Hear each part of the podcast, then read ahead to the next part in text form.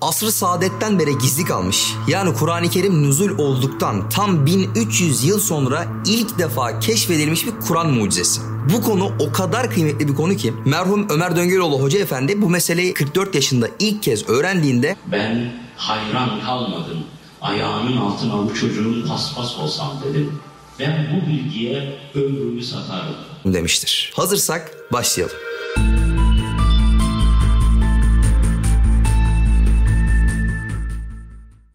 Bildiğiniz gibi Kur'an-ı Kerim 610 yılında Mekke'de nüzul olmaya başladı. 23 sene sürdü ve en sonunda da ay yılı takvimine göre 632 yılında Medine'de tamamlandı. O zamanlarda Kur'an-ı Kerim hem yazılıydı hem ezberlerde muhafaza ediliyordu. Fakat iki kapak arasında daha toplanmamıştı. Çünkü Efendimiz Aleyhisselatü Vesselam hayatta olduğu için vahiy daha kesilmemişti. Vahiy tamamlanmamıştı. Ve Efendimiz Aleyhisselatü Vesselam'a her inen ayet bizzat gene vahiy yoluyla Cebrail Aleyhisselam'ın ona bildirmesiyle şu anki haline göre tanzim ediliyordu. Ve artık Kur'an-ı Kerim tamamlandı. Efendimiz Aleyhisselatü Vesselam vefat etti. Ondan sonra biliyorsunuz halifelik dönemi başladı. Özetliyorum kısaca. Mesela Hazreti Ebubekir Efendimizin halifelik döneminde Yemame Savaşı oluyor. Yemame Savaşı'nda 70 tane hafız sahabeyi şehit verdiğimiz için savaştan sonra Hazreti Ömer Efendimiz Hazreti Ebubekir Efendimiz'e gelerek diyor ki çok fazla sayıda diyor hafız şehit verdik. Korkarım ki diyor Kur'an'ın bir kısmına zarar gelmesin. Kur'an'ı diyor şöyle kitap halinde bir nevi mushaf haline getirelim. İki kapak arasında toplayalım cem edelim diyor. Bu teklif Hazreti Ebubekir'e ilk sunulduğunda Hazreti Ebubekir Efendimiz bu Efendimiz Aleyhisselatü Vesselam'ın zamanında yapılmayan bir şey olduğu için yani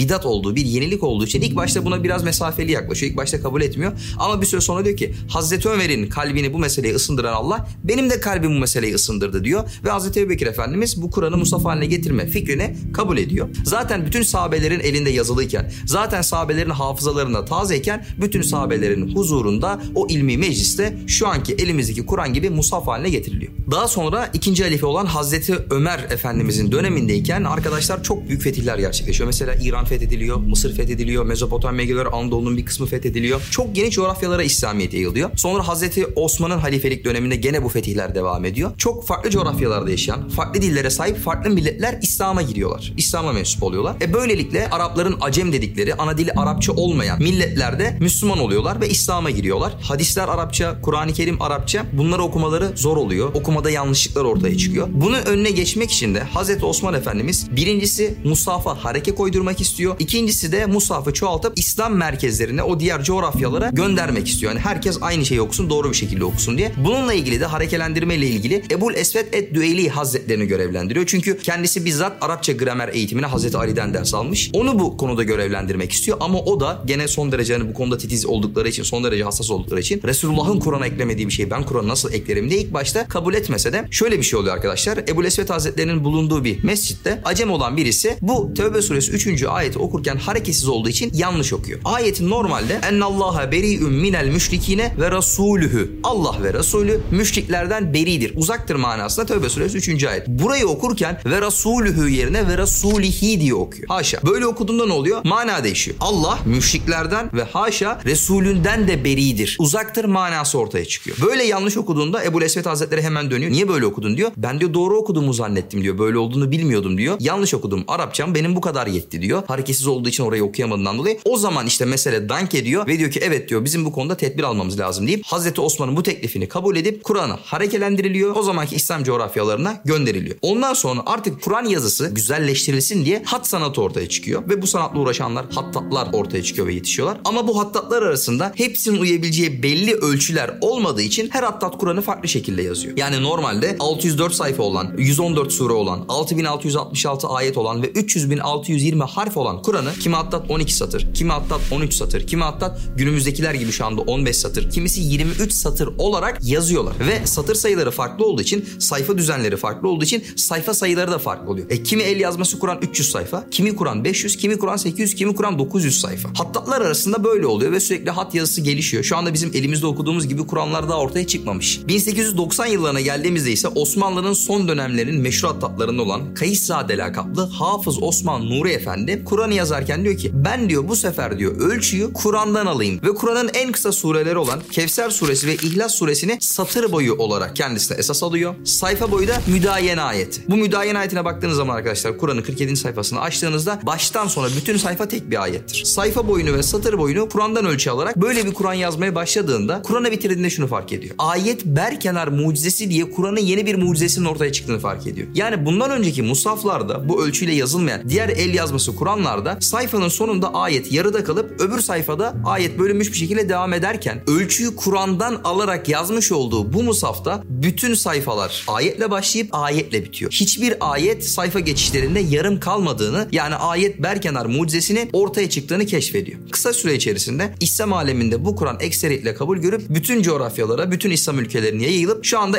elimizdeki mevcut olan Kur'an-ı Kerimler hep bu esas, bu ölçü üzerinden yazılmaya başlanıyor. Daha sonra 1932 yılına geldiğimiz zaman Bediüzzaman Hazretleri Barla'dayken gene kendisi Hafız Osman Nuri Efendi'nin ölçüleriyle yazılmış olan kendi el yazması Kur'an'ını okurken tevafuk mucizesini keşfediyor. Tevafuk ne demek? Tevafuk iki şeyin birbirine denk gelmesi demek. Yani tesadüfe ihtimal verilemeyecek tarzda arkasında bir nevi bir kasıt, bir ilahi iradeyi hissettirecek tarzda birbirine denk gelmelere tevafuk denir. Bediüzzaman Hazretleri bir bakıyor. Kur'an'da geçen 2806 tane Allah lafzı, 846 tane Rab lafzı, 167 tane Resul lafzı, 69 tane Kur'an lafzı, 220 tane Rahim lafzı gibi lafızlar bazı sayfalarda alt alta ip gibi dizilmiş. Bazı sayfalarda karşılıklı birbiriyle uyuyor. Bazı sayfalarda sırt sırta geliyor tarzında mucizeyi keşfediyor. Kur'an'ın sanki tevafuk mucizesi bir mucizesi ortaya çıkmak istiyor diye bunu Üstad Hazretleri keşfediyor veya ona ilhamen bildiriliyor. Ondan sonra Bediüzzaman Hazretleri bu niyetini, bu isteğini talebeleriyle istişare ediyor. 10 tane talebesini belirliyor. Kur'an'ı ona bölüyor. Hepsine üçer cüz dağıtıyor. Bunları bana el yazmanızda gene aynı ölçülere dikkat ederek el yazmanızda bana bunları tekrardan bu hattı yazın ve bana bu Kur'anları gönderin diyor. Hepsi bir tane iki tane vesaire cüzler yazıp üstada gönderdikleri zaman Hüsrev abinin iki tane cüz üstada ulaşıyor. Hüsrev abiye Üstad Hazretleri diyor ki kardeşim bu vazife senindir. Çünkü bu tevafuk mucizesi en fazla senin hattında kendini göstermiş. Diğerleri çok geri kalmışlar kardeşim diyor. Hüsrev bu vazife senindir. Baş kitabet, baş yazarlık senindir diyor. Ve tevafuk Kur'an'ı yazması için Hüsrev abi bu vazifeyi veriyor. Hüsrev abi hemen o sene yani gene 1932 senesi içerisinde ilk tevafuk Kur'an'ı yazma yani ilk nüshayı, ilk musafı tamamen bitiriyor ve Bediüzzaman Hazretleri'ne teslim ediyor. Ondan sonra o Kur'an'ı inceliyorlar. Bakıyorlar ki arkadaşlar o Kur'an-ı Kerim'deki Allah lafızları 2806 tane Kur'an'da geçen Allah lafızları sayfalarda hep alt alta gelmiş şekilde. Sayfa 35'e bakarsanız arkadaşlar bakın bütün Allah lafızları hepsi arkadaşlar bir nevi yukarıdan aşağı ip çeksen dümdüz alt alta dizilmiş tarzda inci gibi tevafuk olmuş.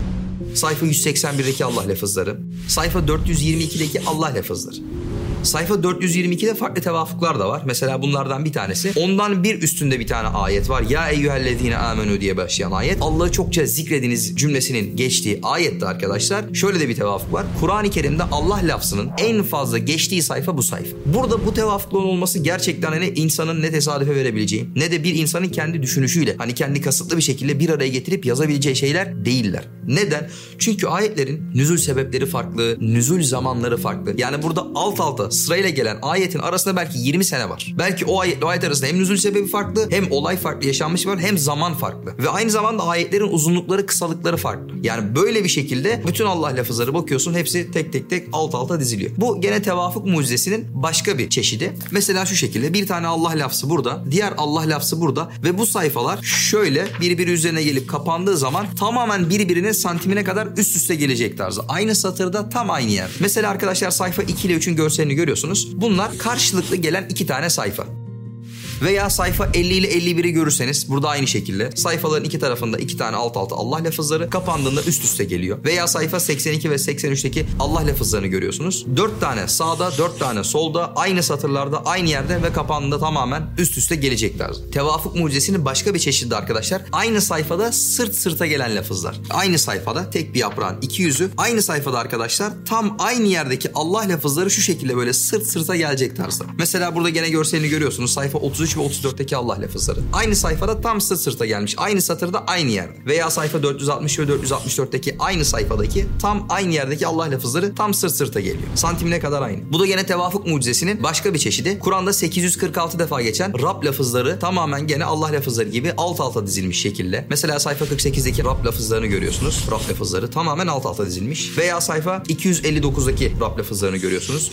Aynı zamanda Allah'ın Rahman esması ve diğer esmalarının da hep tevafukları var. Mesela sayfa 309'daki Rahman lafızlarını görüyorsunuz. Kur'an lafızları arkadaşlar. Kur'an'da geçen Kur'an lafızları 69 defa geçiyor. Mesela sayfa 289'daki Kur'an lafızları alt alta aynı zamanda 289'da 290. sayfalarda tamamen kapattığında üst üste gelecek tarzda Kur'an lafızları arkadaşlar. Peygamber isimleri mesela sayfa 19'daki İbrahim ismi o sayfada sadece 3 defa geçiyor ve hepsi arkadaşlar yukarıdan aşağı alt alta dizilmiş şekilde. Sayfa 235'teki Yusuf Aleyhisselam'ın ismi alt alta dizilmiş şekilde. Sayfa 327'deki Davut Aleyhisselam ve Süleyman Aleyhisselam'ın isimleri tamamen birbirinin üstüne gelmiş şekilde. Sayfa 449'daki İshak ve Musa ve Harun isimleri gene alt alta gelmiş şekilde. Bir de mana tevafukları var bu tevafuk mucizesinde. Mana tevafukları nedir? Mesela şöyle örnek vereyim. Sayfa 235 ile 236'ya baktığımız zaman karşılıklı gelen iki sayfa bunlar. Şöyle göstereyim gene. Sayfa 235'te arkadaşlar Yusuf Aleyhisselam'ın ismi geçiyor. Ve sayfayı kapattığımızda Yusuf Aleyhisselam'ın isminin geçtiği yer Cemil kelimesinin üstüne denk geliyor. Cemil kelimesi güzel manasında. Ki biliyorsunuz peygamberler arasında Yusuf Aleyhisselam güzelliğiyle meşhur olmuş bir zattır. Veya sayfa 245'e baktığımızda aşağıdan yukarıya doğru iki tane Yusuf Aleyhisselam'ın ismi var. Ve gene aynı şekilde intizam bozmaz. Yukarıya doğru çizgi çekmeye devam ederseniz Aziz kelimesinin tam üzerine tevafuk ediyor. Aziz kelimesi derken de Yusuf Aleyhisselam biliyorsunuz zindandan çıkarıldıktan sonra Mısır'a aziz olmuştur. Azizlik yapmıştır. Arkadaşlar biliyorsunuz 7 tane uyurlar diye bilinen Ashab-ı Keyf'in kıssası Kur'an-ı Kerim'de anlatılır. Sayfa 294'te de bu meseleyi anlatırken, bu kıssayı anlatırken orada yedincilerin bir sekizincisi olarak da Kıtmir ismindeki onlara sadakatli olan köpeği mağaranın önünde oturup onlarla beraber uyutulan köpeği bilirsiniz. Ama biz bu köpeğin isminin Kıtmir olduğunu Kur'an'dan bilmiyoruz. Biz bunu peygamberler tarihinden, İslam tarihinden biliyoruz. Kur'an-ı Kerim o köpeğe hitap ederken ve kelbühüm diyor. Yani o köpek diye hani sekizinciler olan o köpek diye hitap ederken arkadaşlar Kur'an'da bir yerde Kıtmir kelimesi geçiyor. Nerede geçiyor? Sayfa 435'te. Yani tam 141 sayfa sonra ve burada da hani köpeğin ismi manasında değil. Burada kabuklu meyvenin zarı manasında geçen Kıtmir kelimesi geçiyor. Ve arkadaşlar şöyle bir şey. Şu sayfa 294'ü açıp kelbühüm kelimesini köpeğe hitap ettiği o kelimeyi bir nevi iğneyle delseniz tam 141 sayfa sonra Kıtmir kelimesinin üstüne tekabül ettiğini, ona tevafuk ettiğini göreceksiniz. Bu tabi verdiğimiz olduğumuz sadece birkaç tane örnekler. Hüsrev hattı ile ilgili yazılan bu Kur'an'ı alıp elinize inceleseniz bütün sayfalar böyle tevafuklardan oluşuyor. Aynı zamanda arkadaşlar Bediüzzaman Hazretleri şöyle bir tevafuğu daha keşfediyor. Şimdi arkadaşlar cifir ilmi diye bir ilim var. Bazı ibarelerden bazı haberler çıkarmada kullanılan hususi bir ilimdir. Bu ilimde kullanılan ebced hesabı diye bir yöntem var. Yani Arapçadaki her harfin belli bir sayı değeri karşılığı olup onları hesaplayarak bir mana çıkarma yöntemidir bu. Efendimiz Aleyhisselatü Vesselam da bunu kullanmıştır. Hadis-i şerifte de geçiyor. Hazreti Ali Efendimiz de kullanmıştır. Cafer-i Sadık Hazretleri de kullanmıştır. Muhittin Arabi de kullanmıştır. İmam Rabbani de, İmam Gazali Hazretleri de, Abdülkadir Geylen de, Bediüzzaman Hazretleri de bunu muhtelif risalelerinde kullanmışlardır. Kur'an lafzını ebced hesabıyla hesaplayacak olursak ilk başta Kur'an diye yazılırken kaf harfi var. Bunun ebced değeri karşılığı 100'dür. Ra geliyor. Onun ebced değeri karşılığı 200'dür. Sonra elif geliyor. Onun ebced değeri karşılığı 1'dir. Sonra orada Kur'an diye uzatılırken bir tane daha elif var ama o hareketsiz eliftir. 1000 diye onun ebced karşılığı çıkar. Aynı zamanda nun geliyor. Nun'un ebced değeri de karşılığı da 50'dir. Yani toplamında 1351 çıkar. Kur'an lafzının ebced yöntemiyle karşılığı sayı karşılığı 1351'dir. Hicri 1351 tarihinin karşılığı miladi olarak 1932 senesi yapar. Yani Kur'an lafzı kendiliğinden ebced hesabıyla tekrardan tevafuk mucizesinin keşfedileceği 1932 senesine işaret eder diyor. Bediüzzaman Hazretleri bu Kur'an'ı eline alıp inceledikten sonra diyor ki kardeşim peygamber aleyhissalatü vesselam efendimiz mucize gösterirdi. Kur'an'ın da mucizeleri var. Kur'an-ı Azimüşşan'ın bu şekilde tevafuklu yazılması da Kur'an'ın bu asırda görünen büyük bir mucizesidir diyor. 1932